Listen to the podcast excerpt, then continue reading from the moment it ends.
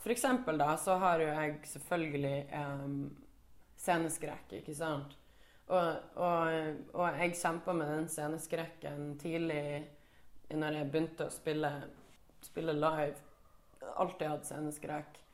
Og den sceneskrekken gikk stort sett over etter et par låter. Det der er jo Det, der det funka for meg å ikke drikke før konserter. Det funka helt supert. Jeg måtte liksom bare ha en liten fokus for meg sjøl før jeg gikk på scenen.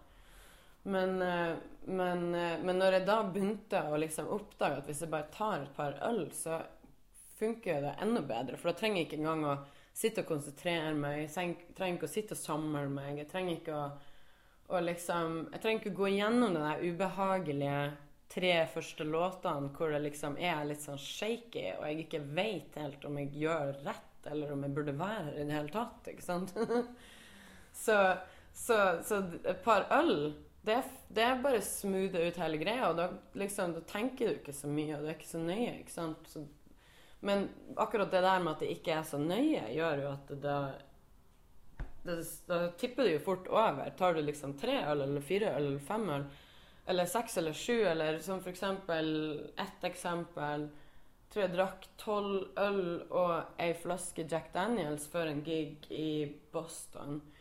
Og det var liksom Ja, da kan du snakke om å drikke seg til mot hvis man trenger liksom halve puben og en sjørøver til å klare å komme seg på scenen, ikke sant? Så, sånn at eh, Sånn at ja, jeg brukte, jeg brukte alkoholen til å prøve å komme meg eh, Til å liksom prøve å døyve følelser, da. Men det kom opp og beit meg i ræva, altså. Det skal jeg love deg. Og,